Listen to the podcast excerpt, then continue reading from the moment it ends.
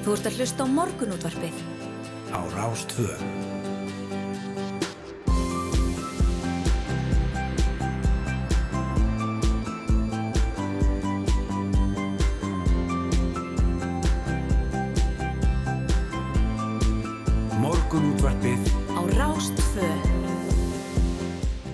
Morgunúttarpið býður, góðan dag, þriðdægin 28. júni, klukkan vattar tímyndur og sjó og það er yngvar Þóru, Snæður og Sindradóttir sem ætla að vera hérna með ykkur í dag til klukkan nýju. Já, og við ætlum að bjóða upp á eitt og annað í þættinum í dag. Við ætlum að fá Stafur Helga Bragarsson til ykkur hér í lok þáttar því það er auðvitað þriðdagur og, Já, já. og þá finnst okkur gaman að spá í heimi tekni og vísinda. Einmitt, Hann ætlar að, að auðsa úr viskupunni sínum. já, einmitt, og sábrunur er djúpur. Já, hann er það. Já, hér í byrjun þáttar ætla að vera saminningamál sem við nú nokkuð rættum í þessum þætti. En sveitastjóð Tálnafjörðar samþitti samhljóða á fundi sínu fyrir helgi að taka upp óformlegar viðræður við bæjastjórn Vestur byggðar um saminningu sveitarfélagana tveggja. Og við ætlum að ræða mögulega saminningu sem hefur verið talað um þarna í ára tugi. Við repökum Hilmar Stóttur bæjastjóra Vestur byggðar en það verið mitt bæjastjórnin þar sem sendi erindi til sveitastjórnarinnar í lok síðast ás það sem farið var fram á það að viðræðunar já, hæfust, það var ákveð að býða fram yfir kostningar með það en núna er þetta allt ekki ræst Nákvæmlega og talandi um akkurat þetta landsvæði yngar. Uh, líklega einn fjölmennast á viðfumasta myndlistarsýning sem haldin hefur verið hér á landi opnar á lögadag. Sýningin breyðir sig yfir og hlusta hann á vel Dalabyggð, Vestfyrði og Strandir já, en alls taka 125 myndlistamenn þátt og byrta verk sín bæði innan og utan dýra en verkin má finna meðal hans með GPS nýtum þeirra. Það er Akademía Skinjunar sem stendur fyrir sýningunni sem ber heitið nummer fjögur umhverfing en mækunar Ragnhildur Stefansdóttir og Ragnhildur Bæsabel eru á meðal skipulegenda og koma til okkar upp á klukkan nýju. Upp á klukkan hálf nýju. upp á klukkan hálf nýja emitt. en það er því miður ekkert láta átökunum í Úkrænum en sagfræðingurinn og rithöfundurinn Valur Gunnarsson hann er nú í, í Lviv í vestanverður Úkrænu og hugmyndin er á svona á næstu vikum að heyra einslög frá honum það sem að fer yfir stöðuna í landinu og það fyrsta við að spila í dag um, það fjallar um föruna yfir landamæri Póllands um, einmitt yfir í borginna Lviv það sem Mhm. fjöldi fólks er núna annarkvort á leiðina aftur inn í Úkrænu eða að flýja frá þeim borgum sem er einhvern veginn vest úti núna uh, og við ætlum að, að heyra þetta um það bil hálf átta hér á eftir Einmitt. En þeir sem að spáðu dauða línulegra dagskrar og sjónvarpi hafa þurft að geta hatt sinn þegar stórar efnisveitur að borði Netflix og Disney Plus hóa bjóð upp á valið efni í reglulegri byrtingu í staða hámhorfsin sem þessi bransi byggði grundvöldsin á í upphafi. Þann fyrsta júli næstkomandi byrtist til að mynda setni hluti hérna geysi vinsalu þótt að Netflix um Stranger Things en Disney Plus hafa það, hafa það frekar sem reglu en undartekningu að sína sína starstu þætti með viku millibili. Í nýri tölfræðaskíslu fjarskiptastofu um fjarskiptamarkaðan hér á landi kemur fram að tekjur innan lands vegna sjónvarsjónustu hafi rókið upp undanfærin ár og námu tæpum 15 miljardum króna á síðasta ári. Ætlum að fá þá Pálma Guðmundsson, dagskarastjóra Sjómar Símans og Valgir Viljánsson, markas og rannsaknastjóra Rúf til að pæla með okkur í framtíð Sjómarsins. Já, en nú eru mörg á leiði fríið og kannski hólskeflan uh, núna 8. júli í uh, næstu viku þegar leikskólinna fari frí Mm. og eins og við höfum rætt hér í þessum þetta þá hafa tölvera raskanir orðir á starfsemi flugvalla og flugfélaga víðað undanförnum vegna mann, ekli og verkfalla og það má alveg gera ráð fyrir því að, að þessar trublanir haldi áfram lengra inn í sumarið. Við ætlum að fá til okkar Breka Karlsson, formann neytendasamtakana og ræða við hann um hver réttindi farþega eru þegar flugir annarkort aflýst eða því senkað og hvað þurfa að hafa í huga í örtröðunni á flugvöllunum þjóðláttinn býða. Hvenar áttu rétt á, á, á mat til að mynda frá flugfélagunum? Emmitt. En hér á fórsvíðu frettablasins er uh, já, frett sem að verður örglega svo mest umtalaðasta í dag, ég held að það sé alveg óhætt að fullera það. Ítalija Lasa Reva og Arnar Grant eh, hafa verið kær til hérasagsóknara fyrir tilrönd til fjárkúunar, hótanir og brot gegn friðhelgi engalífsins. Það herma heimildir frettablasins en kærendur eru þeir Ari Edvald, Hreggviður Jónsson og Þóruður Már Jóhannesson. Í kærunni sem lögð var fram á förstu dag er rakin atbyrður á sem kærendur segja hafa náða hápunkti í november og desember 2021 þar að segja mánuði eftir að Vítalið sakaði kærendur fyrst ofinberlega um að hafa brotið gegn sér en nokkrum vikum áður hún fór í viðtalið hlaðar sæðinum eiginkonur. Það er greint frá samskiptum vítalíu við þreimenningana á umrættu tímabili, auk fjölda skilabóð til barnaðira, eiginkvenna og samstarfsmanna í viðskiptalífinu. Þá eru rættar nafnlausir breyfarsendinga til sömu aðala sem kærendur telja stafa frá þeim kærðu. Hvort tveggja er að mati þeirra talið sína ásetning til fjárkúunar en tilgangur sendingana hafi verið að auka líkur á fjárkúun bæri árangur. Þá herma heimildir fréttablasins að kærendur hafi aflað staðfestingar ríkislauglustjóra á því að engin kæra um kemfyrirsport hafi verið lögð fram á hendur þeim þrátt fyrir ítrykkaðar hótanir þar að lútandi og fullirtingar um að kæra hafi þegar verið lögð fram. Sannkvæmt heimildum blasins óskuðu kærendur eftir því við lögmann sem þekkir til fjölskyldu við Ítalju að setja sig í samband við hana í því skinn að komast að því hvað vakti fyrir henni. En er, er uh, lögmaðurinn talin mikilvægt vittnum aðtök máls. Að hann er sagður að hafa búið skilabóð frá hennum kærði til kæranda um að greiða þér til alvöru fjárhætt til að allir gengur stoltir frá borði. Þetta er mjög forðanlegt Meðal, Þetta er ótrúlega mál. Já, kannski svo ég rétt bara sláði botnan í þetta. Með gagna málsins eru skjáskota skilabönd til lögmannsins með hugmyndum greiðslip og 150 miljónir eftir skatta er í kærunu gengið út frá því að skilabóðin séu frá Vítalíu en frettablaði hefur ekki fengið staðfæst að svo sé. Nei, einmitt, alvöru fjóraðið sér hér 150 miljónir eftir skatta en aftur ekki staðfæst. Ekki staðfest Neini, einmitt, uh, hér á, á fórsviðu morgurblassins er, uh, er rættuð á staðrinda OECD hefur bent á að Íslandi í heimsmet í fjölda yðin greina sem krefast löggildingar og stofnunin gerði tillögur til úrbóta en um, það er rætt hérna við Áslögurnu Sjöbjörnsdóttur, Háskóla Einnaðar og Nýsköpunar á þeirra sem segir að þetta sé heimsmynd sem við eigum ekki að sækjast eftir að eiga. Það býr til óþarfa takmarkanir í atvinnulífun og dregur úr samkeppnishefni okkar.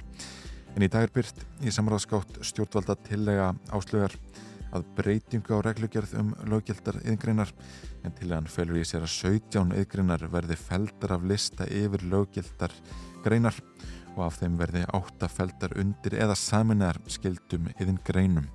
E, og það spilning hver áhrif þessa er þið á, á yðin nám og, og e, fjölda fólks í, í, í þessum stjættum Já, mér finnst þetta mjög forðnægt mál, ég verði að segja það að að, að þetta er eitthvað heimsmynd sem að viss, ég vissi ekki að Nei, við hefðum. og einhvað, einhvað sem OECD sér um, já, allavega hérna, ástæði til að benda okkur á einmitt og eh, sko spilur þetta inn í allas umræðum eðnámið og, mm og sko þess að hvað er erfitt að komast á, á svona hérna uh, námssamning og fleira af það þarf að vera meistarar sem taka það námssamning og þeir eru ekki ná margir og, framvegis, og það er einhvern veginn gera verkum að fólk næri ekki að klára eðnámið sitt. Nei, nei, nákvæmlega.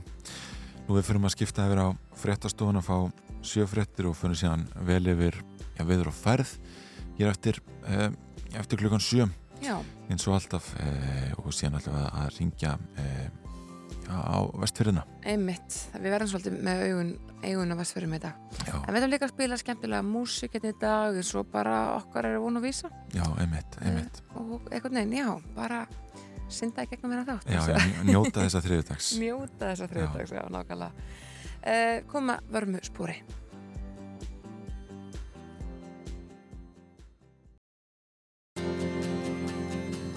Þú ert að hlusta á morgunútvarpið.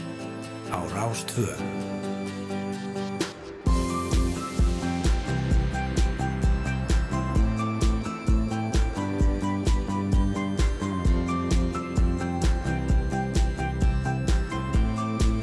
Morgunútvarpið. Á Rástfö Jú, við bjóðum enn og ný góðan dag hér í morgunútvarpina Rást 2 Snæra Sindardóttir og Yngvar Þór Björnsson já, með ykkur til klukkan nýju í dag Jú, jú, fjölbreytið þáttur framöndan við ætlum að ræða saminningu tálnafjarar og vesturbyðar eða fyrirhugaða mögulega saminningu. Við ætlum að heyra fyrsta einslag sakfræðingsins og reytuvandarins Vals Gunnarssonar sem er nú í Lviv í Úkrænum og ætlar að segja okkur frá förinni yfir landamæri Pólans. Við ætlum að ræða rétt neytinda þegar raskaninu verða á starfsemi flugvalla og flugfélaga. Já, og svo ætlum við að ræða framtíð sjómarps við dagskastjóra Sjóma Símans og markas og rannsónastjóra Rúf. Við ætlum að ræða eina fjálmennastu og viðfæðmustu myndiltasýning sem haldin hefur verið hér á landi. Hún tegir sig yfir Dalabið, Vestfyrði og Strandir og svo er þetta þriðu dagur og þá kemur Sævar Helgi Bragarsson til okkar í heimsöknu og fer yfir heim vísindana. Nákvæmlega og talandum heim vísindana þá er ekki sér rétt að lesa hér hugleðingar veðurfræðings og vef, veðustofunar. Það er norðlega breytilátt í dag og á morgun. Víða skíjað og sumstaðar vætan lengst af þurftum landið vestanvert. Einhverjar sólar glennur verða þó og ég byrja nokkuð bjart á Suðurlandi, sérstaklega á morgun. Nú hitast því verður hæst á Vesturlandi í dag að 16 gráðum en sunnanlands á morgunum og rekna með hitin gæti náð upp undir 20 stig þessum bestlætur og eins línar fyrir norðan og austan en þó ekki eins mikið og verða menn að gera sér að góðum 8 til, 10, 8 til 15 stiga hitta mm. og ekki að sjá við líka kulda í spánum og varum lílina helgi og, og það er nú ágætt. Einmitt. Það er eitt og annað að frétta á vegagerðarinnar. En í kvöld verða fræstar báður akranir á Suðurlandsvegi við Rauðavatn og þá verður veginum lokað. En það verður hjáleið um Norlingaholtið um, svo er ný klæðningaveginum í dýraferði þar sem að varaði við stengkasti og fulla ástætti þess. Uh, og eitt og annað frost að fara og jörðu á hálendinu og svona. En um, yngvar ég var vör við gutumálara á leiðinni til vinnu. Mér er alltaf fundist það fasnærandi starf. Já, einmitt. Eru með svona einhvern veginn þeir, svona nánast leggja málingun einhvern veginn eru með svona, eru með svona hérna loksutæki, starðarna loksutæki og, og svo einhvern veginn já, þetta er, ég veit ekki nákvæmlega hvernig það virkar en mér er alltaf fundist þetta mjög spennandi. Þetta krefst mikið þeirra einbyttingar, ég myndi maður sér. Já, nákvæmni. Þú veist með eitthvað gott hlaðar byrjunum Já og maður sér líka alveg ef að þetta er ílega gert sko. Eð, veist, ef þetta klúðurast einhvern veginn þá verður það svo ábærandi já, já, sér það hverjum degi að leiðandi vinnu eða eitthvað. Það þarf að sko. Já, já, já. Við, við fögnum því að sjá þá á, á Guðan borgarinnar Já, algjörlega Æ, en heyrðu, ég er auðvitað sem að spila eitt lag. Já, sem var nú vel við núna. Já, er það ekki? Jú, ég held það nú. Já, nákvæmlega, þetta er lagið Vegbúið með Káká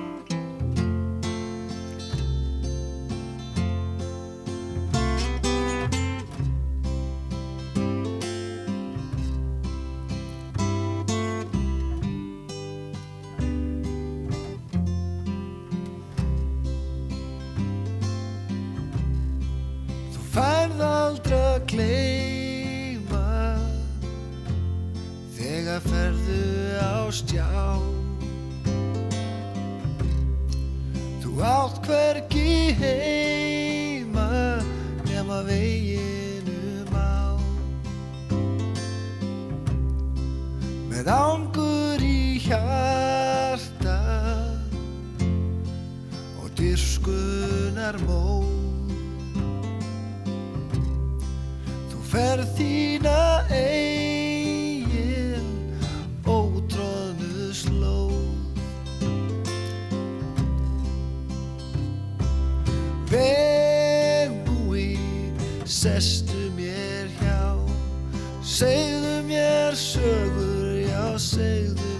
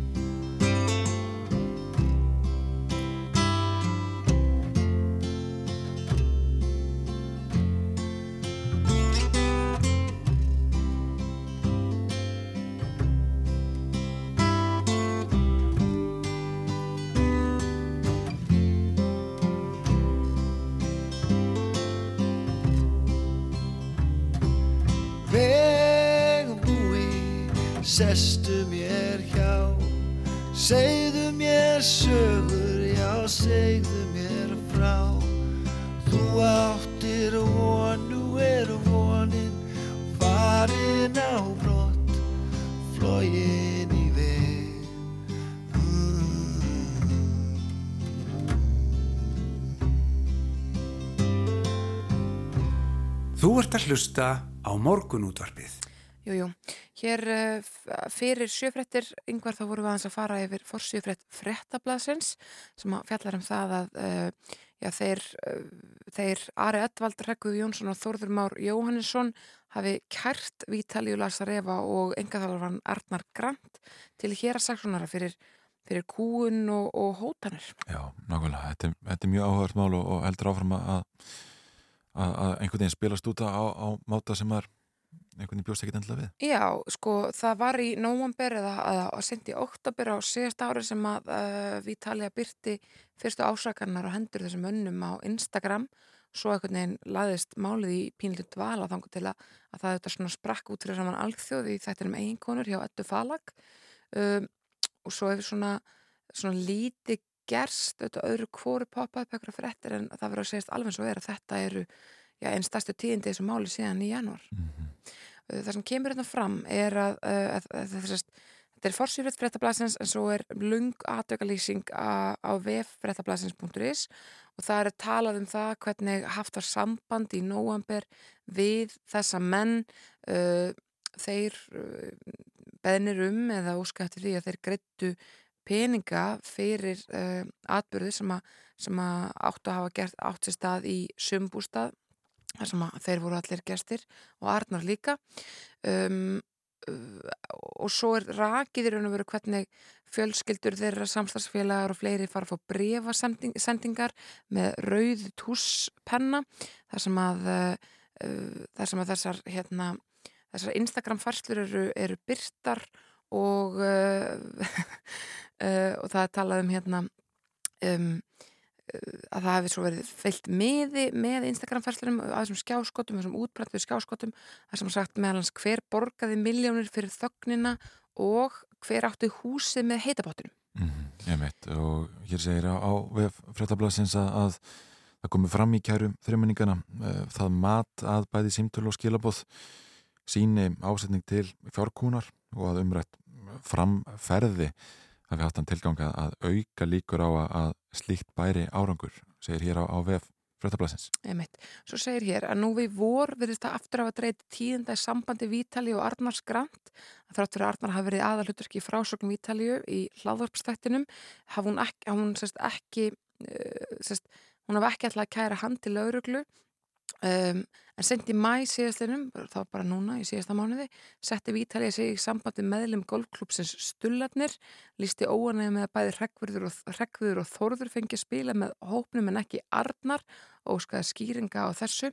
Og svo gæti upplýsingum blaðsins þá ringdi hún aftur viku síðan til að kanna hvort afstæða hefði verið tekin innan golfhúpsins og fengið þó svöra Stullarnir vil ekki dragast inn í málið Þá ringdi hún nokkur dugum síðar samkvæmt frettablaðinu, spurði hvort það hafi áhrif á afstöðu hópsins ef Arnagrand stýji ofnbörlega fram á stiði frásögnennar og byður um að funda verðu málið hjá hópnum um, og svo fekk viðkomandi skilabur frá hann morgunin eftir um að umræður upplýsingar verið komður á netið og vísa til fretta með viðtal við Arnar sem segist nú byrja að vittni málinu, gegn, sest, málinu með vítalíu ef það ferir fyrir dóm. En það sem kemur fram með þessari frett og á eftir svo sem að koma að ljósa í dag er að það hafi raun og verið aldrei en kæra verið lögð fram. Það er að segja kæra um mm. kynfyrsbrott Emmett Svolítið uh. forðilegt með golfhópun Stulana af því að hann var í frettum í fyrra. Grunaður um uh, grunaður um eitthvað svindl í einhvern no. bók, bókunarsýðum það er ekki fyrst að senn sem að Stullarnir golfhópurinn sem er almennt mjög óopenbært uh, apparat að kemst í frettunar Já, já, nákvæmlega Herði, við ætlum að uh, fara yfir í, í uh, eitthvað sétt lag eða svo áður við förum og, og ringjum í bæstur og vestubiðar. Já, ég held að það sé ástæð til þess. Um, en fyrir þau sem eru forðin við þessa frétt þá er þetta að lesa allt um þetta á fréttablaða.is. Við ætlum að hlusta á Hæ Stínu með Snorra Helgarssoni.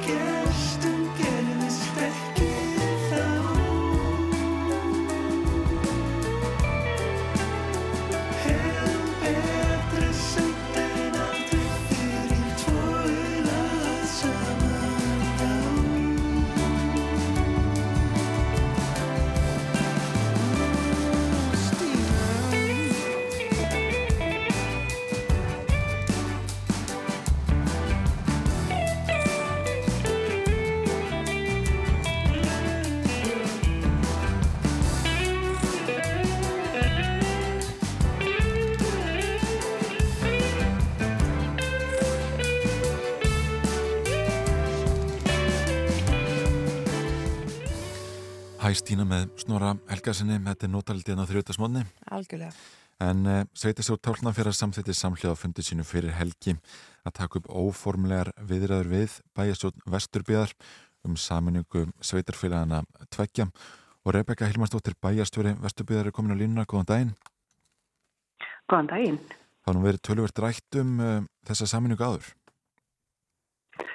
Já, Það hefur verið hérna, gert í þó nokkuð mörg ár, uh, kannski upphafið þegar að Vesturbyrð var til 94 mm. og tálfyriringarnir uh, voru ekki með okkur þannig að þetta er orðið, orðið nokkru ára týr sem að þetta hefur verið rætt og, og, hérna, og hefur verið farið svo sem í ímsar viðræður á, á öllum þessum árum. Mm. En þetta er ákala ánægilegt uh, skref hjá tálfyringum þannig að við sögum því samanlega. Nei mitt sko, hvernig stendur á því að uh, taknaförður var ekkert en ekki bara komin inn í þetta bandalag á, uh, fyrir lungu síðan? Það er rosalega stutt á milli sveitafélagi þannig.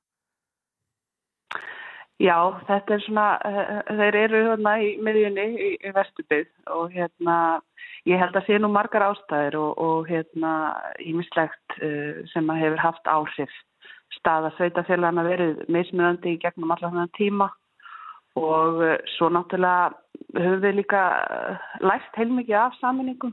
Saminning 94 er eitthvað allt allt annað en saminning í 2020 uh, og eitthvað. Við erum komið með í rauninni búin að læra mistökunum sem maður kannski má segja hafi orðið við saminningu Vesturbygðars, það sem er fjölkjarnar sveitafélag og, og hérna þannig að ég held að við séum bara komin svolítið nær því að, að gera þetta þannig að, að íbúðinir upplifið sig sem þáttökandir af uh, nýra og starra sveitafélagi. Sko. Hvaða mistökur er það sem má ekki, ekki endur taka?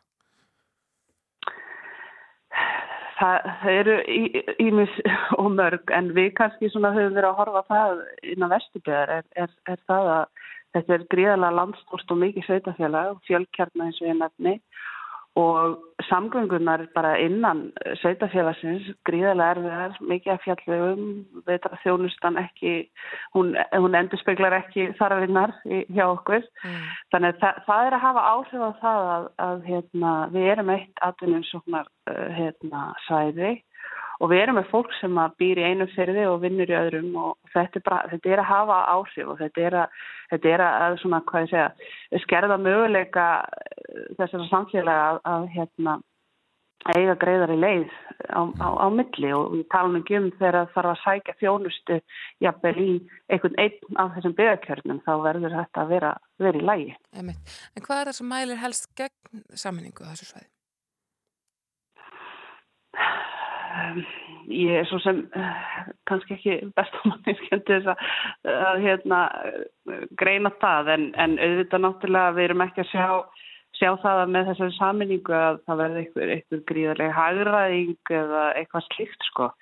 Uh, er, það, við erum ekki að fara að sjá, sjá það og við fórum í vinnu bæði í Tálnaverðreppur og, og Vesturbygg reyndar í sikuru lægi í fyrra í að að hérna svona greina hafðkvæmni þess að fara í saminningu og, og þar kom alveg skýst fram að við erum ekki, ekki kannski, þetta er ekki þetta er ekki bara eins og með önnur fjölkjörna sveitafjölu, þetta verður andrið með hafðkvæm rækstræðning Nei, einmitt. En uh, þá bæjasotnin sko sem sendi erindi til sveitastjórnarinnar í, í lok síðast ást þar sem var farið fram að viðraðunar og það var ákveðið að býða með það fram með kostningar en því það að, að já, tálna fyrir sér tilbúin í óformlegar viðræður að þau séu rauninni tilbúin í þessar hugmyndir og, og, og að skoða það að fullri alvöru að eh, ja, samanast eh, Það er alltaf samtalið á eftir að, að fara á stað að fullum krafti en, en við erum svona allavega skinnjum það að, að það sé áhug og vilji og það kom alveg skýrt fram eins og íbúðfundum hjá okkur í fyrra vilji íbúðuna að veri farið í þetta óformulega samtal og reynda að finna flut á því hvort að við getum gengið þetta skrefa fullu. Mm -hmm. Við erum nú þegar í gríðala miklu samstarfi, sveitafélagin, bara mjög góðu og hérna þannig að við, við erum farin alveg að læra inn á, inn á hvort annað þannig að hérna að, að, að við allavega skinnjum það. Það er, það er meiri vilja en kannski hefur verið áður á, á, á, á báðum, báðum sveitafélagum. Í báðum sveitafélagum, einmitt. Sko hvað ætlir þið að auðvitað verið bara hefjast og svo framvegis en hvað getur svona tekið langam tíma? Hver er reynslan ringin í kringum landið? Við erum að horfa á að, að, að svona óformlegt samtal og, og, og það leiði til eh, einhverjar svona, hvað ég segja, uh, heildarmyndar geti tekið kannski tvö, tvö ár. Mm. Við, erum ekki, við erum ekki að gera á þeirra að taka styrtir tímið það. Nei, nei, meit ágætt að gefa sér góðan tíma í þetta. Rebecca Elmarsdóttir Bæstur Vesturbygðar, takk fyrir að vera á línni. Já, takk fyrir. Og það er kannski ástæðilega að renna þess yfir hvað við ætlum að bjóða upp á þættir með það einhver? Jú, hér eftir uh, fréttaflit klukkan uh, hálf áttam þá ætlum við að heyra fyrsta einslag Vals Gunnarssonar, sagfræðings og reytöndar sem er nú og verður, ég næsta mánuðin eða svo stattur í Úkrænu.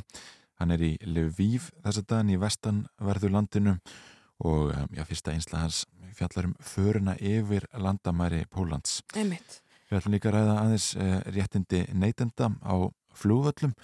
Það er margir að lendi því núna þess að daginn að starfsemi flúvalla á flúfélaga já, verður fyrir einhverjum röskunum og, og þá verða senkanir eða flugum aflýst og um, já, já, þá þurfa mörg að bregðast við og, og, og fá mögulega mat frá flugfélaginu eða, eða aðra flugferði eða, eða hvað það er við ætlum að ræða þetta við formanninda samtakana. Einmitt. Og svo er það eitt og annað hér eftir uh, áttafréttunar en uh, fyrst smá tónlist. Þetta er lægið Diamonds með Rihannu og mér skallst ekki komið út 2000 og æg maður ekki. Shine bright like a diamond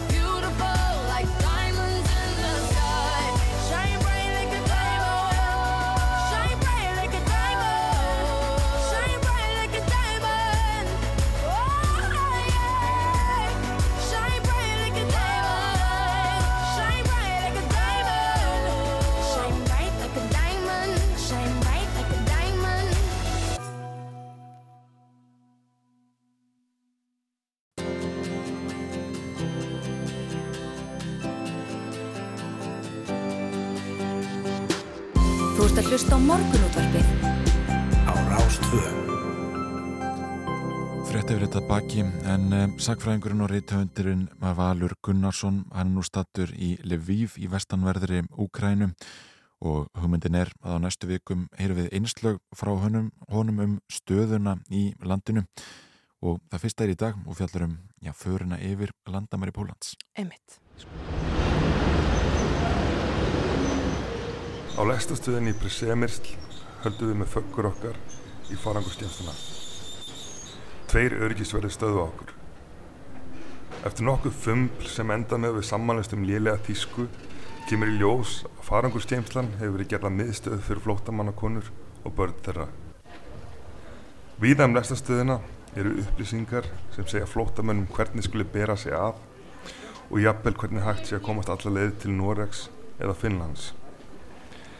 En þó við séum komið svo þjætt upp að landamærum Úkrænu verður maður undala lítið var við stríðið. Hér eru engar pólskar hersveitir á borfið þær sem að sé við landamærin að hennu rúsneska Kaliningrad en það eru Úkrænu menn vina þjóð. Það sem helst völd raski í bænum þennan daginn er ásatið hjólriðamanna. Ekki bætir úr skák að daginn eftir drýfur ákvæmönum pípurreikingar að vísfæða frá Pólandi og verði mikið um dýrðir.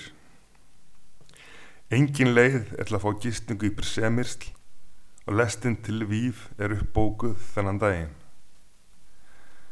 Fátt annaðir í stöðinu nefn að taka lestina aftur tilbaka í áttuna til Kraká þaðan sem við komum. Næsta stopp í þá átt er í bænum Jaroslav, nefndur í höfuð á Jaroslav Vitra sem þótti mestur konungar rúsveldisins sem bæði úkrænumenn og rússar reykja upp á sitt til. Bæri var sem sé stopnar á tímum rús en landamæri hófa oft breyst hér um slóðir síðar. Í kjölfar fyrir heimstyrjaldar brytut út átök á milli úkrænumanna og pólverja einmitt en þessi héruð en árið síðar stóðu þið saman í baráttunni við gegn rúsneskum rauðliðum. Niðurstaðan var það endanum svo að það tókst að endur eisa Póland en Úkræna var það býða í 70 ári viðbútt. Eina lausa hótelið í söðaustur Pólandi þessa helgina er í um klukkutíma göngu fjarlag frá Jaroslav. Lestin til Lviv fer klukkan tíu morgunin daginn eftir. Þegar við vöknum er einn og hálfu tími til stefnu. Ég ringi á leigubíl. Engin svarar. Ég spyr konin í afgriðslunni sem slæðir sama númer. En ekkert svar. Hún gefst þó ekki upp og heldur áfram þar til tekst að ræsa eina leigubílstjóran í Jaroslav úr sunnundasmókinu. Bílinn kemur og til allra hamingi gengur nýju lestin líka á sunnudögum í hennu ramkathóska Pólandi. Og hún er pakkfull eins og allar lestir hér um slóðir virðast alltaf vera. Á sumrin leggja Pólir að landi undir fót og ferðast með flata land sitt með lestum. Satt að segja er ekki mikinn mun að sjá á þeim og hinum, úkrænumannunum, aðeins fólk með farangur í sumarfötum. En þeir úkrænumenn sem hér standa er á leiðinni heim. Það kemur í ljós að ekki lása mjög á að ná lestinni. Fólkið er gert að býða í röð í steikjandi hita á meðan klukkutímanni líða. Það er búðun álagt, svo um aðganga mat og drikk og maður veldi fyrir sér hvernig fyrir þá sem ekki búið jafn vel við álíka aðstæður. Kassi með tuskutýrum liggur hana, gjafir til barna flóttamanna. Kona við hliðina mér nefnist Anna og er að koma frá Þískalandi þar sem hún heimsótti móði sína og 13 ára bróður.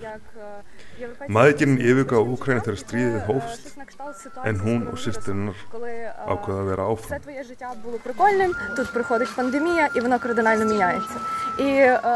er erfitt að fara til Európu, segir hún. Það er ekki enn friður og þetta minnir mann á það líf sem er horfið. Loksa tveim tímum liðinum er lesting komin. Landamaraverðir skoða vegabrifin. Mitt er útata í rúsneskum stimplum og ég bými undir vesen. En þetta reynist ástæði laust. Við göngum um borð og lestin er nútímaleg og þægileg. Skjáir sína teiknimyndir um þrjá kósaka sem halda til hana ímsu landa og spila fótbolta. Líklega ættaðir frá heimsmeistarakjapnin árið 2012 sem Póland og Úkræna held í saminningu en annað dæmi um nána samfunnu þjóðana í setni tíð. Þegar kó- kósakar þessir koma til Íslands stöða þeir eldgós með því að sparka risavösnu fótbolta uppfylltum af hveragöðum í það svo mökkurinn lætur undan og það byrti til á ný.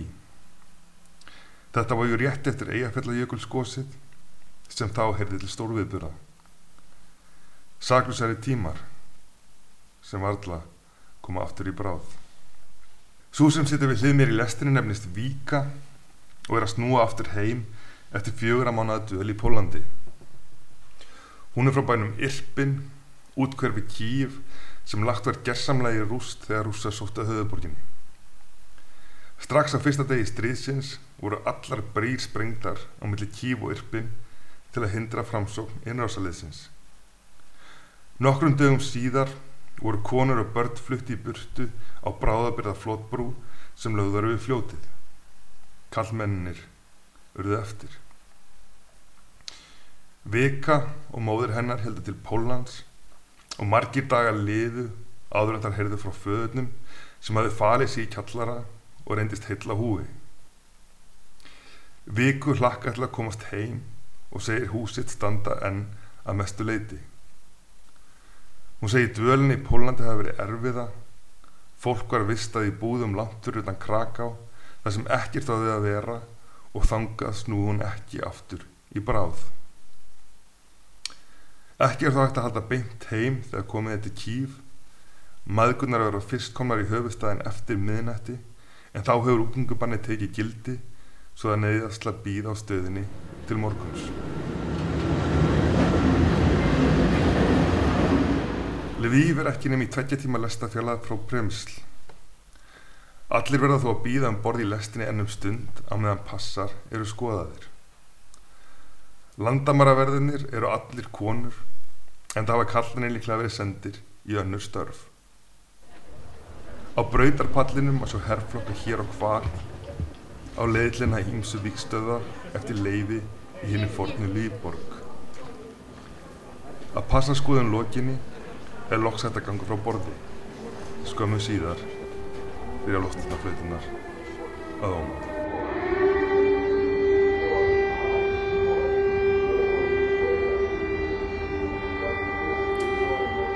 Þetta maður í loftvarnaflutunum í Lviv í vestanverðri Úkrænum sem Valur Gunnarsson tók upp og þarna er við fyrsta einslag hans um stöðuna í landinu. Einmitt, þeir, uh, hann var að fara yfir landamæri uh, Pólans og Úkrænu og ætlar að dvelja í Úkrænu hvað næstu fjóra vikunar eða svo. Leiðis og, Eitthvað og áhört að heyra það að ströymunu liggur já, mest megnis aftur yfir til Úkrænu. Einmitt, mjög forðanlegt. En hér eftir skamma stund ætlum við að ræða við Breka Karlsson, forman neyndindarsamtakana, um hver réttindi farþega eru þegar flugvil, flugi er aflýst eða senkað og hvað þurfum þá að hafa í huga í örtröðunum sem getur skapast á flugvillinum. Það er best að halda bara rósin eða ekki. Upparönd, Hjálmar og GTRN.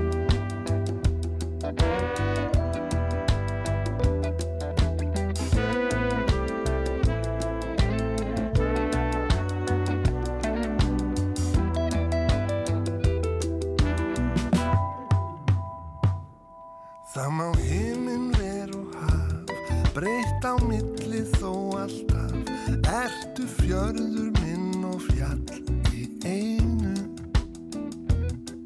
Þó að fjúki fast á rík Ert að fegur innri rík Og í brjósti slæð þitt hjarta reynu Líkt og æxlist ósjálfrátt, mínir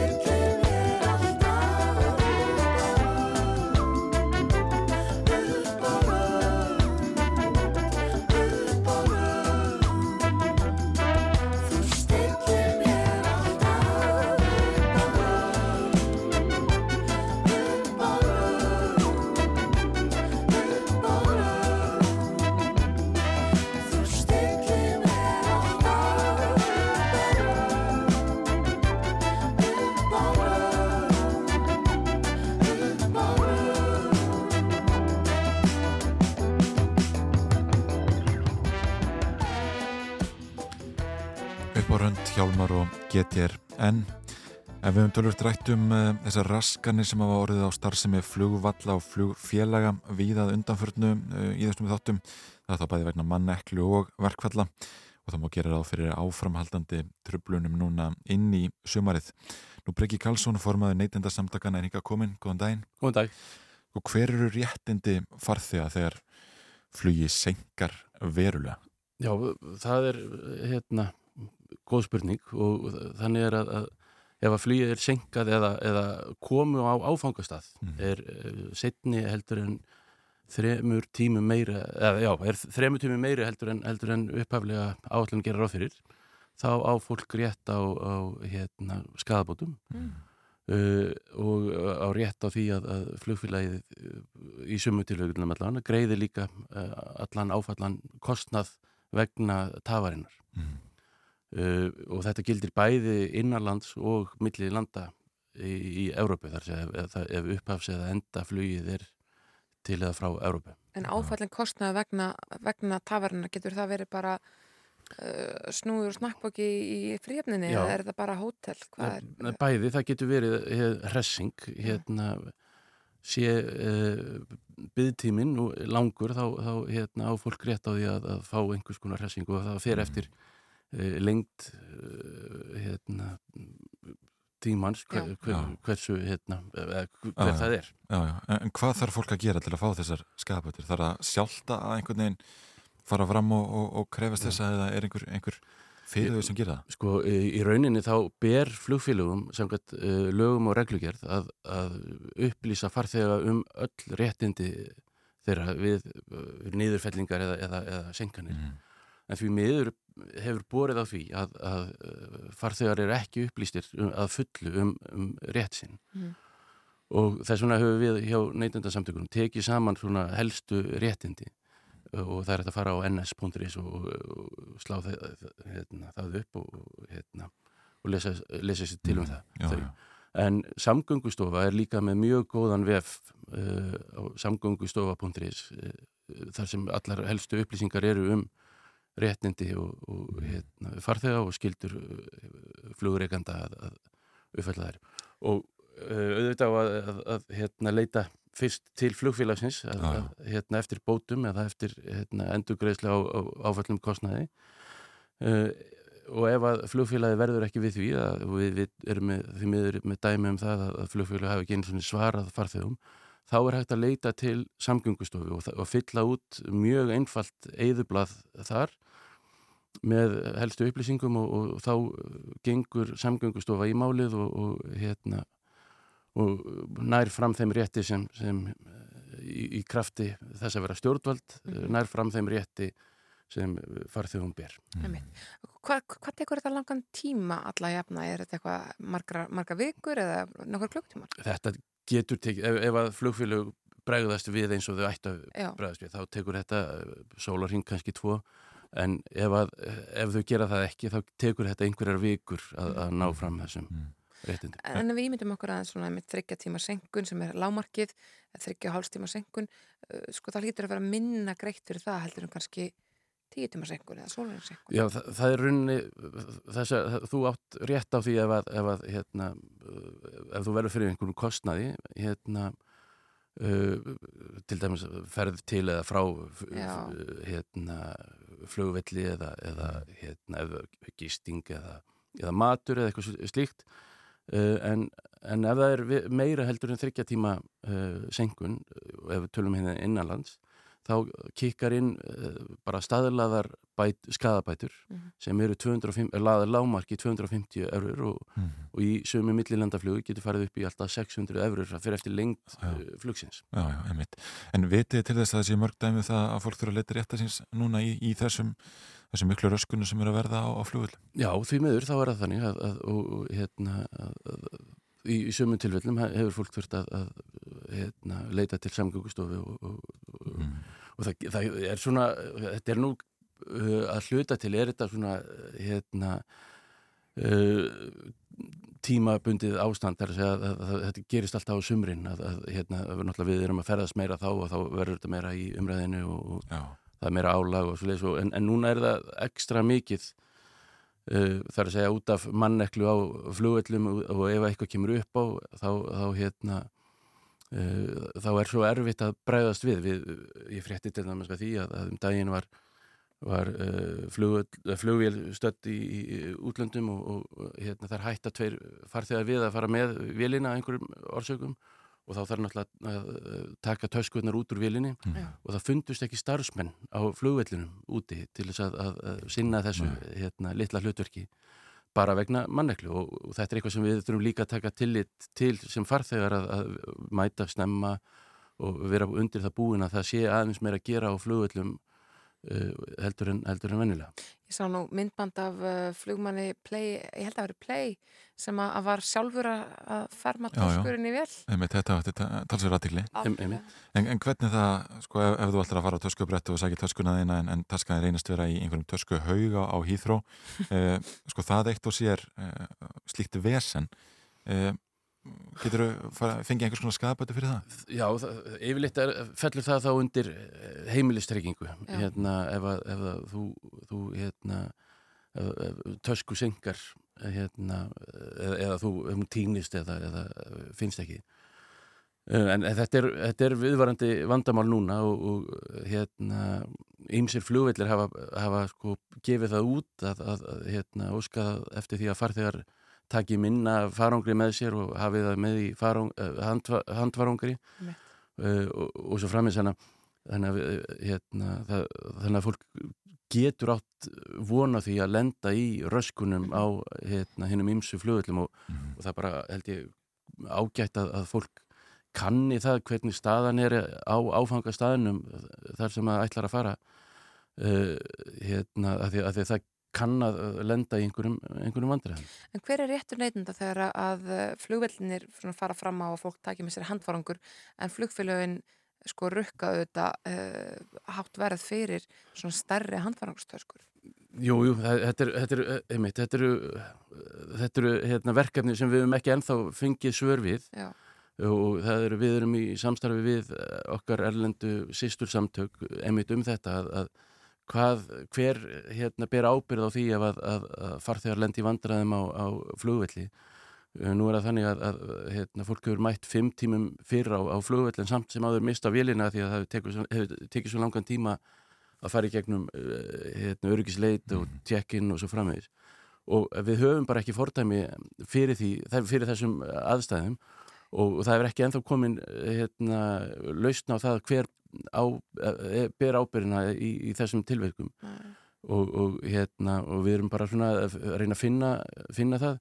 Við teljum til dæmis að, að, að, að flug, flugfélug beri beina ábyrð á, á, á check-ininu að, að innreitun að hérna ef að það eru senkanir í, í því og starf, mannekla í, í, í því þá beri flugfélug ábyrð en það er meira hérna spursmálum um ef að, senkunin er að völdum uh, já, öryggisleitarinnar og, og, og, og þá er það þannig að, að að uh, farþegar eru ekki í beinu viðskiptarsambandi við uh, flugvelli, heldur eru viðskiptarsambandi við uh, hérna, flugrekendur, Já. flugfélug og, þannig að þetta er svolítið snúið Já, og þá er bara ennþá eftir að finna, finna hérna, niðurstu í þetta, í þetta mál. Einmitt. Þetta verður að vera lokaðurinn hjá okkur Breki Karlsson, formaði neytindasamtökana Takk fyrir að kíkja til okkar í morgunúðspið Bestu ekki. Já, og hér eftir skamma stund ætlum við að, uh, já, við ætlum að skipta yfir á áttafréttinar en svo ætlum við að ræða framtíð sjónvarps, sjónvarps Já. við þá Pálma Guðmundsson, dagskrastjóra sjónvarps Símans og Valgeri Viljámsson, markaðs og rannsóknastjóra Rúf. Uh, við ætlum að pæla aðeins í þessu með okkur í, í ljósu þessa tekjur vegna sjónvarps hafa sko margfaldast á aðeins nokkur árum hér á landi.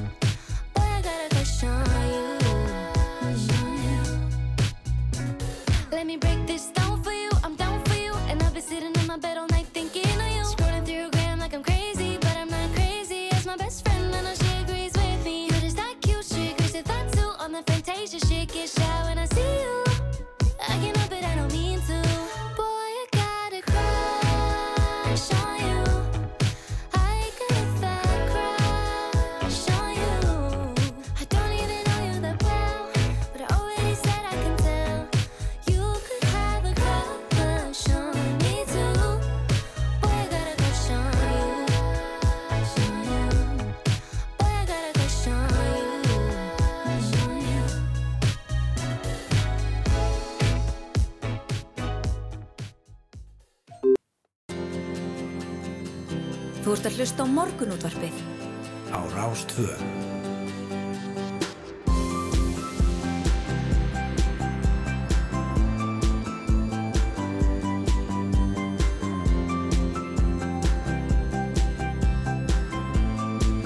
Morgunútvarpið Á Rástvö. Já, framhaldum við hér í morgunúttarpinu. Þeir sem spáðu dauða línulegar dagskarar í sjónvarpi hafa nú eiginlega þurft að geta hatsinn. Nú þeirra stórar efnisveitur að borði Netflix og Disney Plus hafa, já, bóðið upp á valið efni í svona reglulegri byrtingu eða línulegri dagskrá í staða hámhorfsinn sem þessi bransi byggði grundvöldsin á.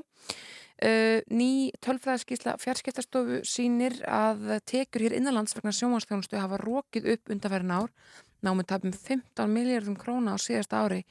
Þeir eru komin inga til okkar Pálmi Guðmundsson, dagskrastjóri Sjómar Símans og Valgir Viljánsson, markaðs og rannsóknastjóri Rúf til að bara pæla aðeins með okkur í framtíð Sjómarsens verði hjertanlega velkomnir. Takk fyrir það. Takk fyrir. Sko, samkvæmt þessari tölfræðaskíslu þá rjúka tekjurnar upp úr 3,8 miljardum ára 2017 í 14,9 miljardaði fyrra.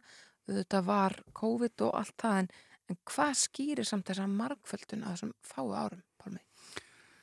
Já, við erum bara að keppa núna á alþjóðlegum vettvangi og það verðast allir vera að reyna að sigra heiminn Já. og hérna mm, bara samkeppnin harnar uh, frambóð á sjónvarsefni hefur aldrei verið meira og hérna þannig að þetta er ótrúlega spennandi tímar en líka mjög krefjandi Mm. Hvað segir þú, Valger? Ég er bara alveg sammálað og hérna, ég held að neytendur, sko, þeir, þeir græða á þessu, það er meira frambóð og það er meira frambóð af íslensku efni núna heldur en okkur sinni fyrr. Eh, síminn og, og, og, og rúf og sín eru öll að framleiða nýtt íslenskt efni, nýtt leikið efni. Þannig að það er sam, meiri samkeppni en, en, en að sama tíma þá, þá held ég að neytendur er eftir að græða á þessu. Já. Sko þess að tekjur, er þetta af því að við erum að selja allt í einu efni til útlanda sem við höfum ekki verið að gera áður? Ég veit nú ekki alveg með það hérna, það sem við erum að sjá núna er að við vissum að samkeppni myndi harna og það erðu miklu fleiri veitur og við vissum að svo myndi nú kannski einhver smá óveðuski koma og þau komu í sjálf og sér hraðar og voru einhver átt sem að ég og enginn reknaði með. Netflix búið að falla í verðmættum um 70% og ég persónulega spái því að Viaplay eftir að, eftir að vera í miklum vandræðum á næstu 10-20 mánum og ekki síst á, á Íslandi. Og þetta er mjög gott fyrir neytendur þetta er líka svolítið krefjandi að vera með margar streymisveitur. Og við erum að sjá svona hluti eins og til dæmis mestradelt Evrópu sem er mjög vinsalt sjónvarsefni og það er búið að skipta því á tvær íslenska sjónvarstöðar eða tvær ísla, efnisveitur á, á Íslandi. Og það er líka, líka það að það, það, er, það eru margar efnisveitur að koma til landsins, Disney Plus allt í hennu, þriðjungur heimalega koma með áskrift af Disney Plus, uh, Netflix, það eru 70 eitthvað prosent heimilega að koma með áskrift af Netflix, en Netflix er samt svona, það er að fara að minka aftur, það er minka aðeins áhorfi á Netflix, áskrifendum er ekki lengur að fjölga hérna á Íslandi, en það eru nýjar efnisveitur sem að koma inn á markaðin og það eru kannski skýrir að hluta til uh, þessa aukningu að það eru, það eru margir að prófa. Já. og, og það, er, það er margt í bóði uh, stöðtöð hefur verið að lækka sína, sína áskrift þannig að þeir hafa verið að fjölga áskrifendum sjómar símas hefur verið að fjölga áskrifendum þannig að það er allt í gangi. En, en, en eins og Pálmi segir, það, þetta er samt alveg mjög harður markaður og, og Netflix er að segja upp fullt af fólki, Netflix er að hætta að framlega fullt af þáttum. Mhm. þannig að það er komið svona ákveðin þolmörk í, í, í streymisveitunum Já, við valgir erum að hitta þessi sjónvarstöðar og ekki síst í Skandinavi og ég held að ég sé sá eini fyrir hann sjónvarsíma sem segja að við erum ekki að sýra heiminn, við erum bara að vinna á Íslandi og okkur gengur vel á Íslandi. Við, hérna, við settum enska boltaninn í okkar aðal pakka og við erum búin að fimmfalda áhorfið, uh, fimmfalda sérst, fjölda áskrifanda enska boltanum. Svo römbuð við á þátt með Helga Björns, þannig að línulegt áhorf okkar í enska boltanum hefur fimmfaldast Mhm. og við jökum línulegt áhorf að því að við vorum með að reka þátt með Helga í, í tvö árum auðvitað með hlýjum. Já, einmitt. Það lítur að skipta máli í þessu samkjöndisumhverfi að, að einmitt bjóða upp á efni á íslensku. Algjörlega. Og, og það eru, eru reyndar sko Netflix og, og fleiri eru búin að fatta það að þeir þurfa að vera á mörkuðunum sem að, sem, í, í þessum löndum með þessu tungumálum. Eh, kona mín er að, heim, að horfa núna heima á, á sko norska þætti alveg út í eitt Mhm. sem eru ykkur í norskir glæpa ríl drama þættir Mhm. en þeir eru náttúrulega bara með íslensku texta þó þeir séu á Netflix eða sjónvarpi símas eða hvar þeir eru. Ein, ein afurðin af þessum breytingum er hérna að það er aðeins að aukast ólöglegt niðurhald sem er auðvitað mjög slæmt. Já. En það gerist auðvitað þegar það er verið að selja margar veitur, þetta kostar allt og fólk getur ekki endalust keft af efni. En við erum alveg bráðfyndið dæmi núna fyrir framann okkur því að við finnum það að við erum með sjónstáttaseri sem heitir Love Island Já. og hún er alveg gríðalega vinsæl og hún er tölvört mikið niðurhöluð líka. En að því að þau eru með svo þykkan hreim þá er íslenski textin algjörlega nöðsilegur Já, ég get bara staðfist þetta.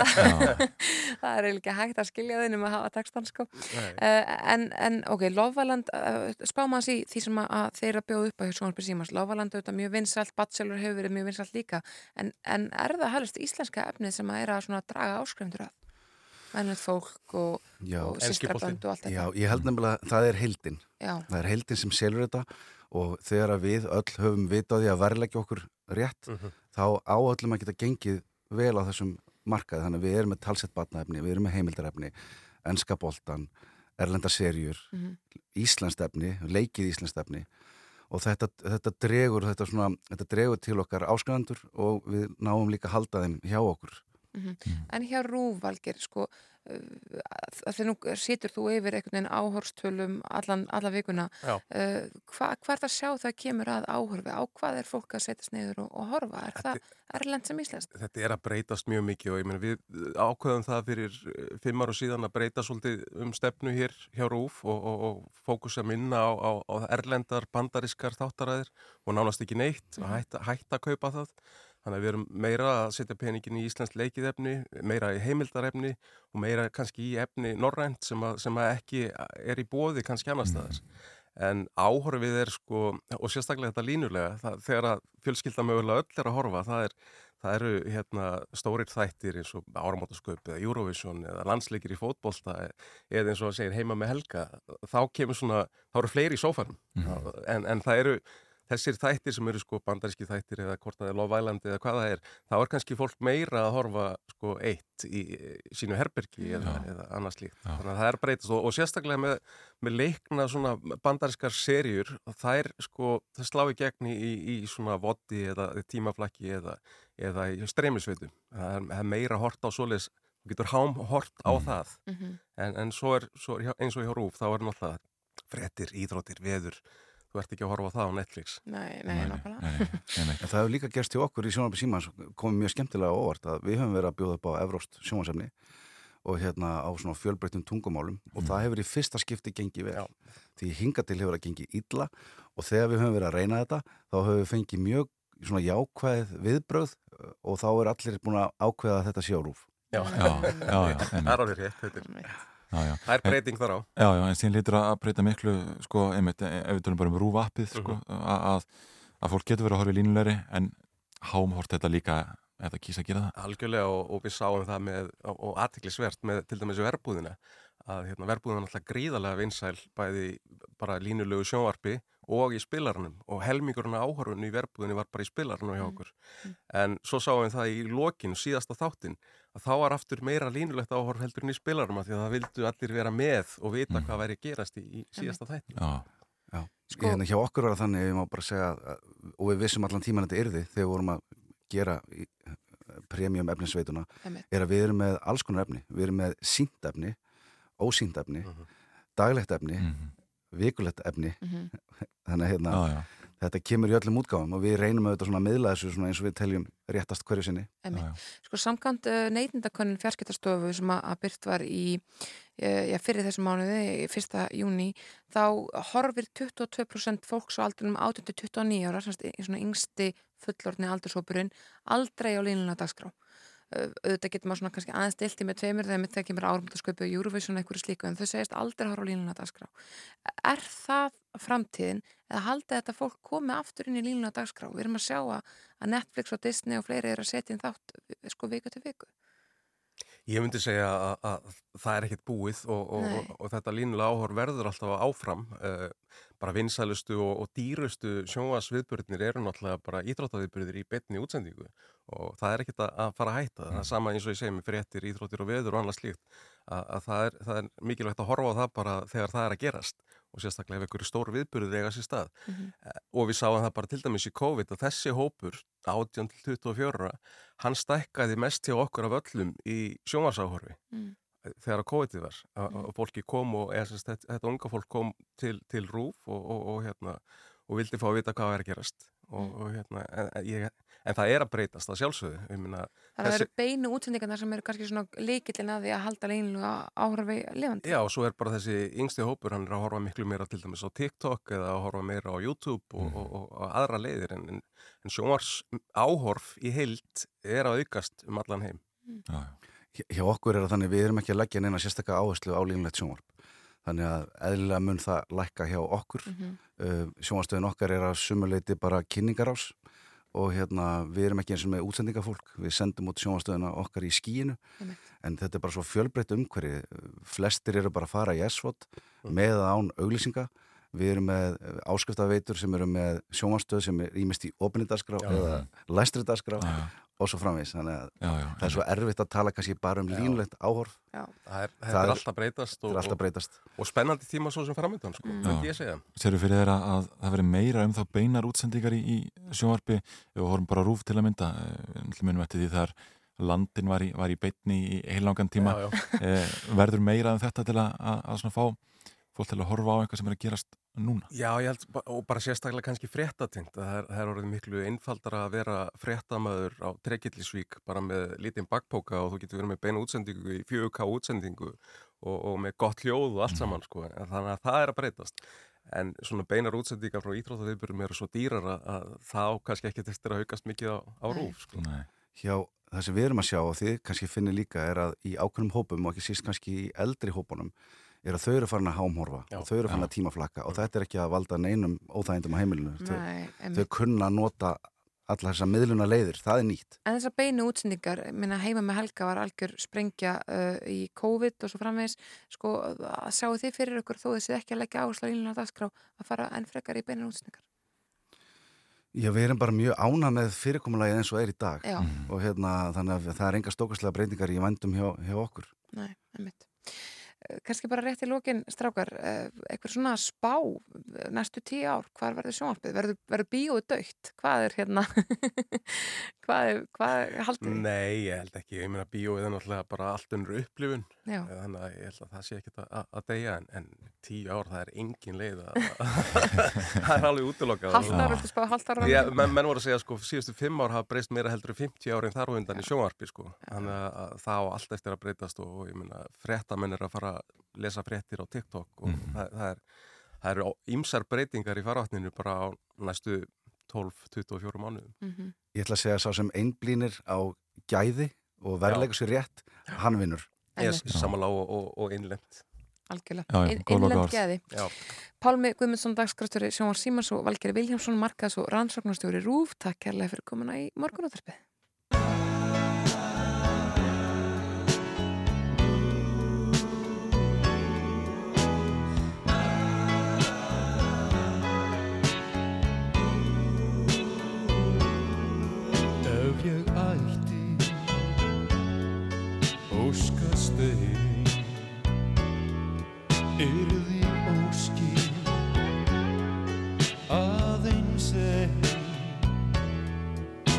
Ég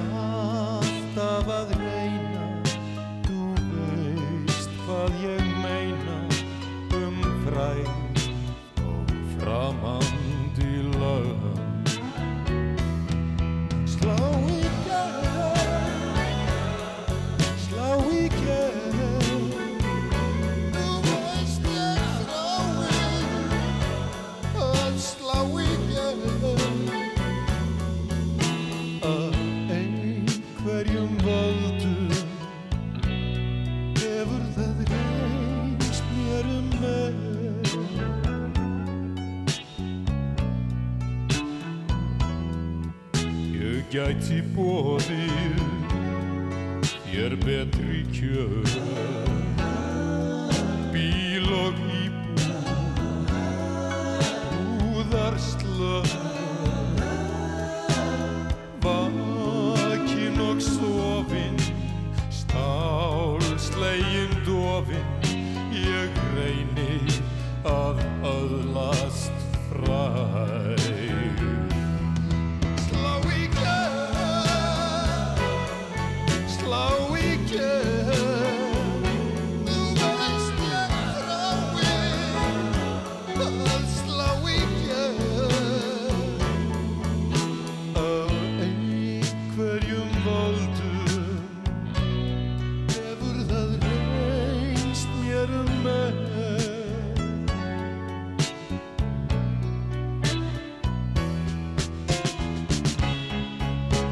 gera næstum hvað sem er fyrir fræðina nema kannski að koma nakin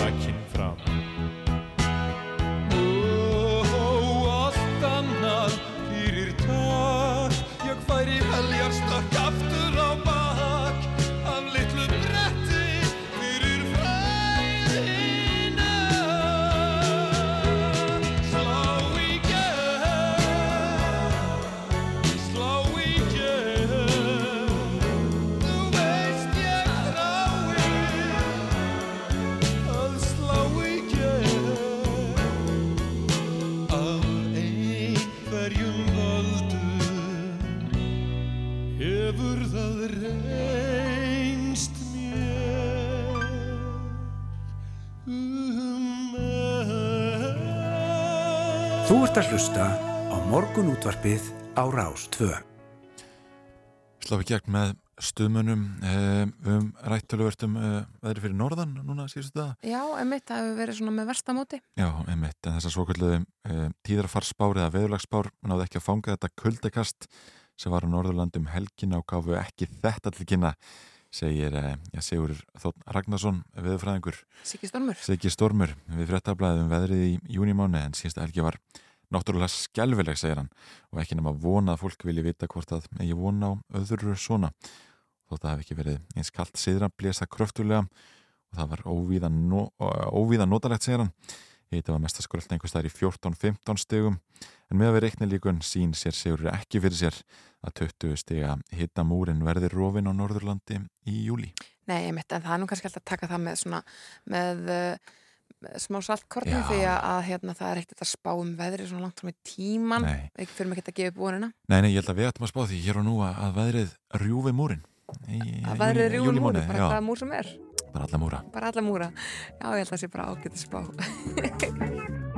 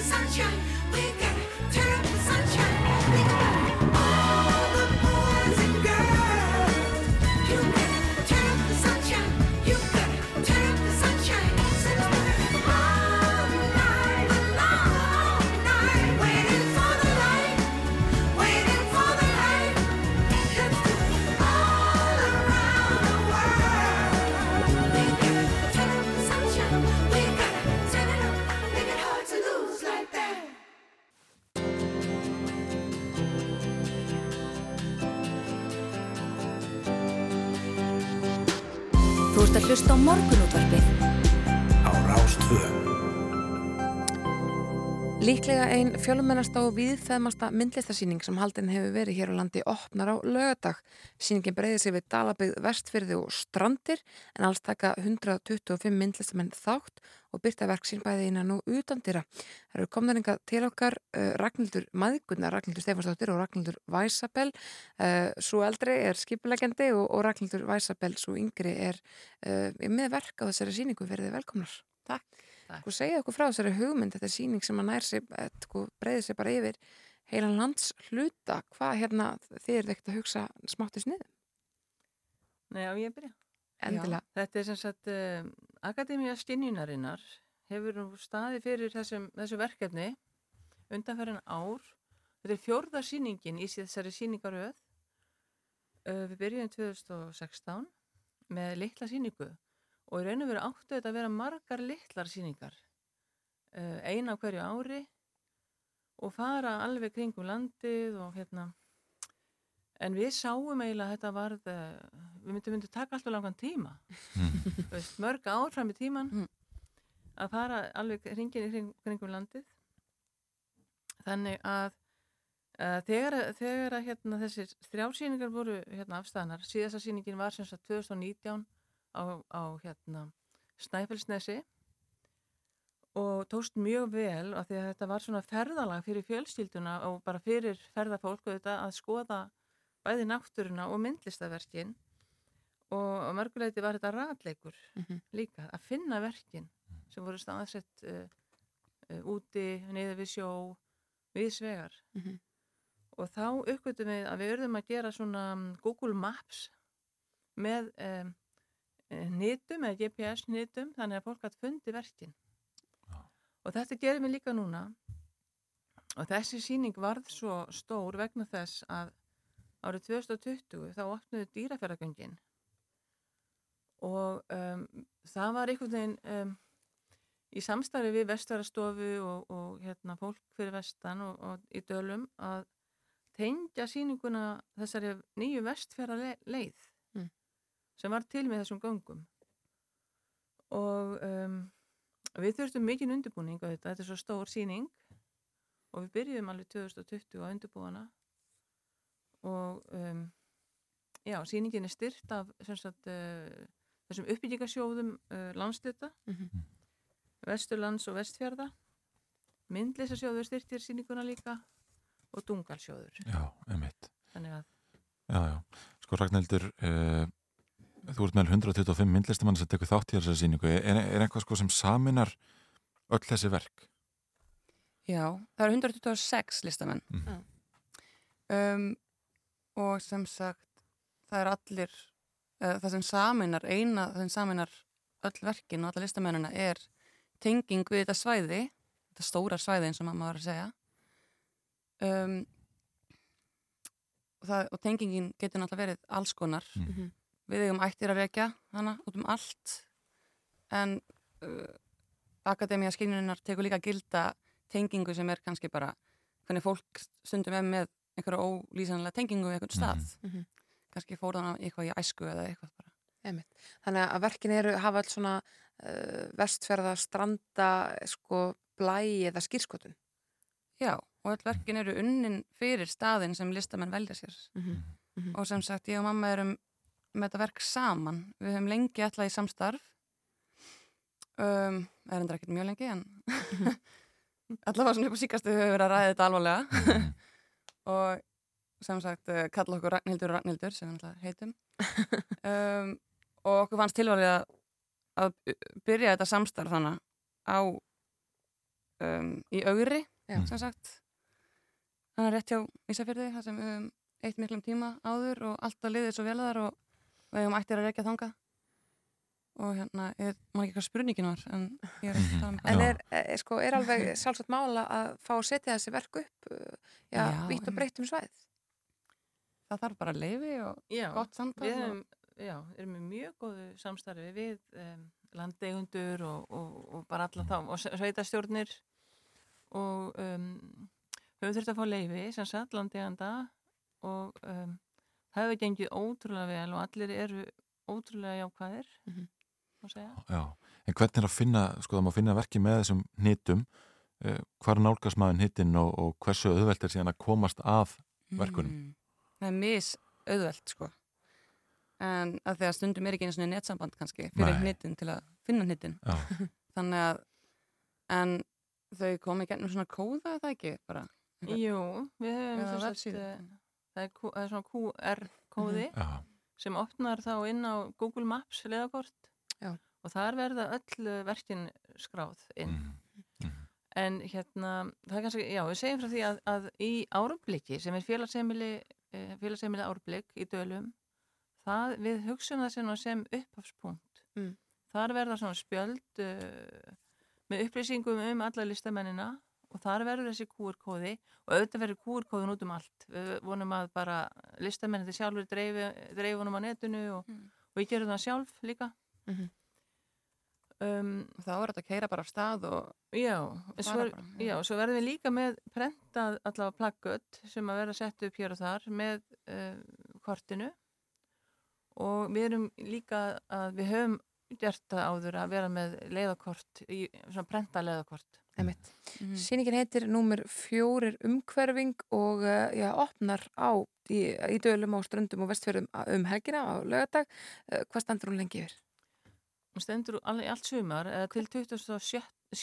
ágúst Já, einmitt. Þannig að það er nægu tími til þess að- að gera sér ferð. Uh, Ragnhildur Stefansdóttir og Ragnhildur Væsabell, takk kærlega fyrir að koma í morgunúðarpi. Takk fyrir okkur.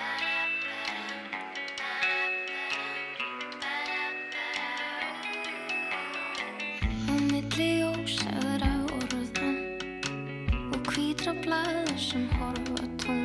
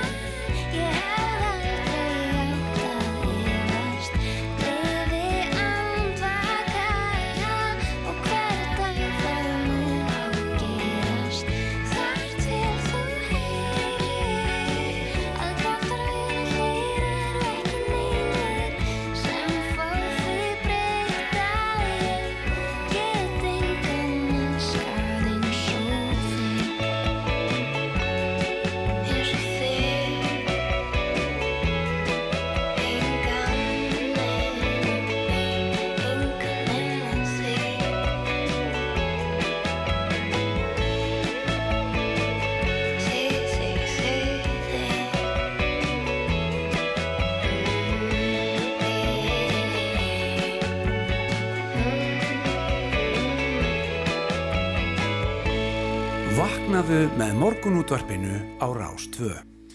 Jú, jú, það er þriðu dagur í dag sem þýðir bara eitt að við spáum í heimi tekni og vísinda í lokþáttar og Sævar Helgi Bræðarsson er hinga komin, góðan daginn. Góðan daginn.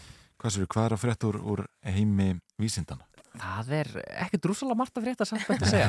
Er svona einhver Vísindin í sumafríi? Já, svona látið að yfir þessu akkurat núna. En það bara sveiflast eins og allt annað í lífinu, held ég. Já, já. En hérna, mér langar bara að byrja á því að fjallum hluti sem að við sjáum í okkar umhverfi, fólk veitir í aðtegli. Og það náttúrulega fór væntalega ekki fram hjá innum að í síðustu viku voru sumarsólstöður og nú veit ég ekki hversu mikið þið pælið í lengd dagsins þið bara njóti byrtunar vantarlega eins og flestir gera Já, já. Sko, ég get bara alveg sagt þér það að í þessu starfi þá pæla maður mjög mikið í lengdagsins. Ok, þá, þá hérna, ég veit ekki hvort það er gleði fréttir fyrir því eða vondar fréttir en um þetta leiti ás er eitt sólarringur aðeins lengri heldur en 24 stundir Ha? Já. Yes, og það helgast að því að jörðin okkar hallar og svo erum við mislangt frá sólinni þannig að í kringum sólstöður þá er jörðin, eða þá er sólarringurinn uh, rétt rúmlega fjórðungi úr mínútu, 25 sekundum eða svo, ja, já, svona 20 sekundum uh, hérna lengri heldur Já, en já. í kringum jafndægur En það ætti að koma meiri verk núna? Það er að koma aðeins meiri verk 25 sekundum meira.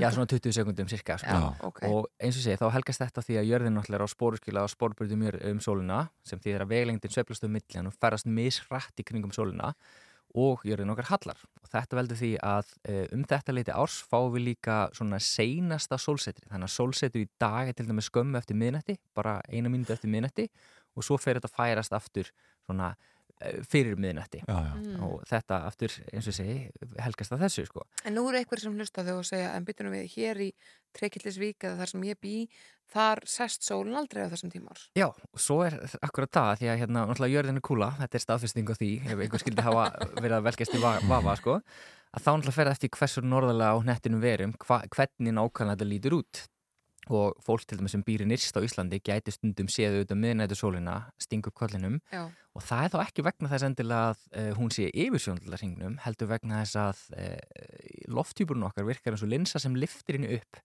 Þannig að jafnvel þó sólinn sé undir sjóndalarhing frá okkur séð, þegar jörðin væri ekki með andrumsloft þá væri hún fyrir neðan og við sæjum henn ekki.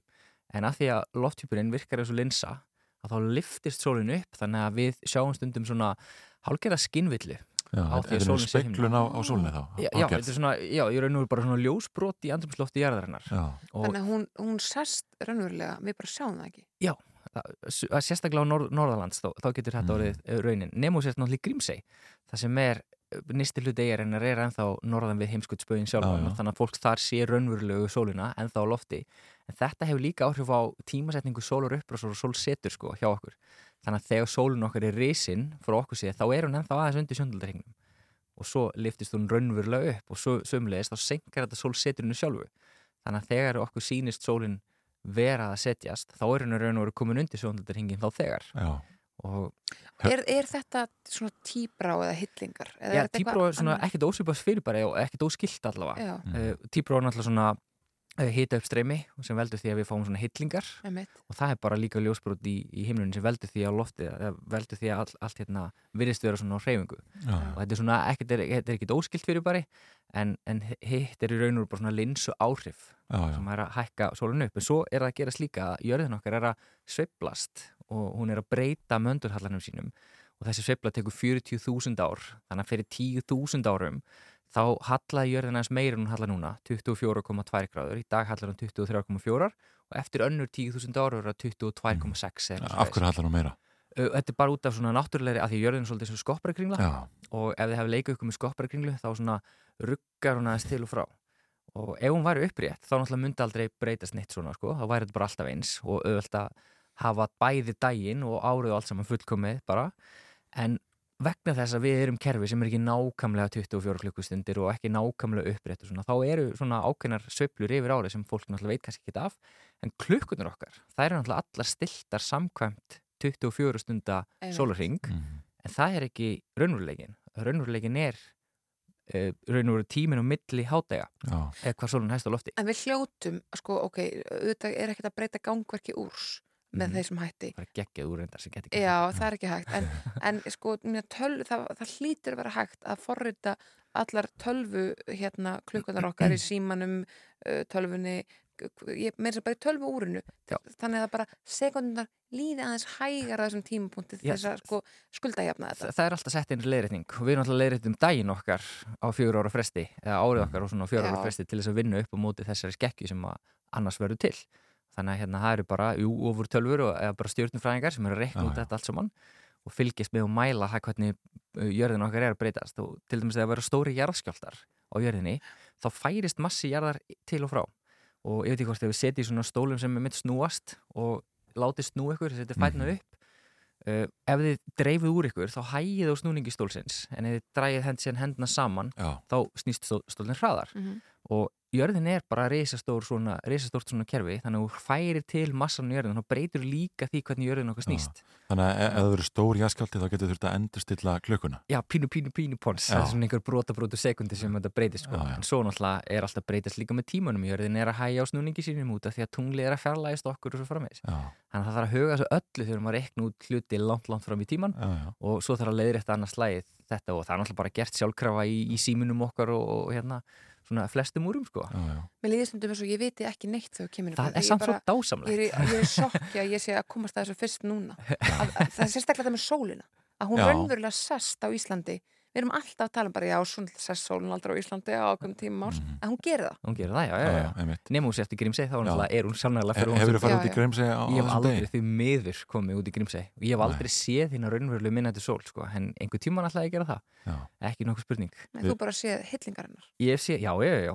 Svo kannski ef ég mætti skjóta hérna inn í þá eru tvær svona áhugaverða frétti sem ég rakst á núna nýverið. Og það eru annars vegar að nú hefur uppdast uh, stærsta baktería sem til er á jörðinni Já, ég veit einmitt. ekki hvort þið hafið heyrt um þá. Jú, ég, ég sá fyrirsögnuna og uh, valdi að opna ekki fréttina en fyrst þú ert mættur þá skal ég hlusta. Já, og hún er bara, hún er bara bísna falleg sko, af því hún er svona cirka stærfið augnhárin í okkur. Og þannig hún sést með byrjum augum Já. og er kannski 50 sem stærri heldur en næst stærsta þekta bakteri í heiminum. Mhm. og hún heitir Theo Margarita Magnifica. En- Magnifica fyrir einhvern hva- stórfegleg og Theo Margarita er þýðir raun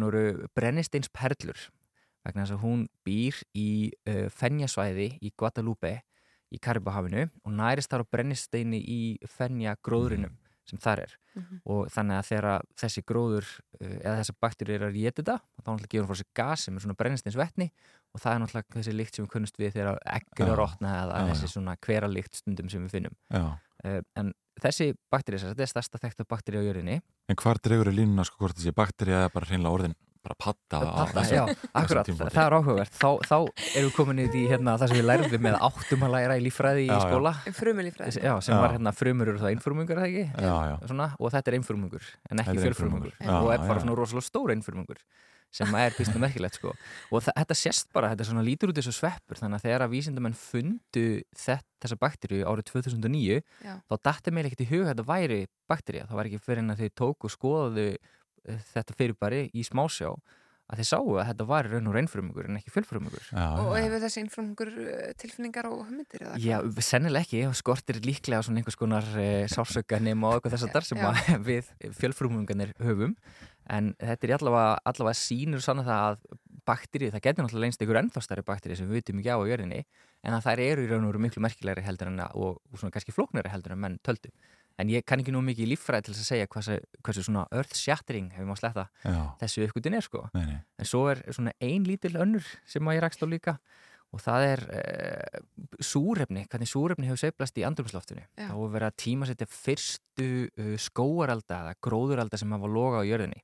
Það fundið sem sagt kóla leifar í Wales í Breitlandi sem að eru svona næstum því 500 miljón ára gamlar. Og það segir okkur það, að það segja að þessar upplýsingar gefa okkur þær hugmyndir um það að á jörðinni þá hafi verið að minnstu kosti 20% súrefni, Mm. eða minnstu kosti 16%, að því að eldra kvikni ekki nefn á jörðinni nema að það sé meira en 16% súrefni. Já. Þannig að við erum svolítið að reyna að kortleggja það hvernig súrefni sveiflast í gegnum tíðina. Er með öðrum orðum, það hafi ekki alltaf getað kviknað eldar á jörðinni. Þetta er mjög áhugavert. Við komumst ekki lengra í þetta skipti við fjölfrumungarnir í, í morgundarspilinu fyrir að fara að hvaðja. Já, einmitt. Og af því að uh, Sævar var að tala svo mikið um tíman hafa hvað ég að slá botninni í þáttin í dag með Sign of the Times með Harry Styles sem fólk getur bara einhvern veginn já, notið þessara auka 20 sekundna í, í deginum bara njótið vel Just stop your crying, it's a sign of the times. Welcome to the final show. I hope you're wearing your best clothes. You can't bribe the door on your way to the sky. You look pretty good down here, but you ain't really good. We never learned.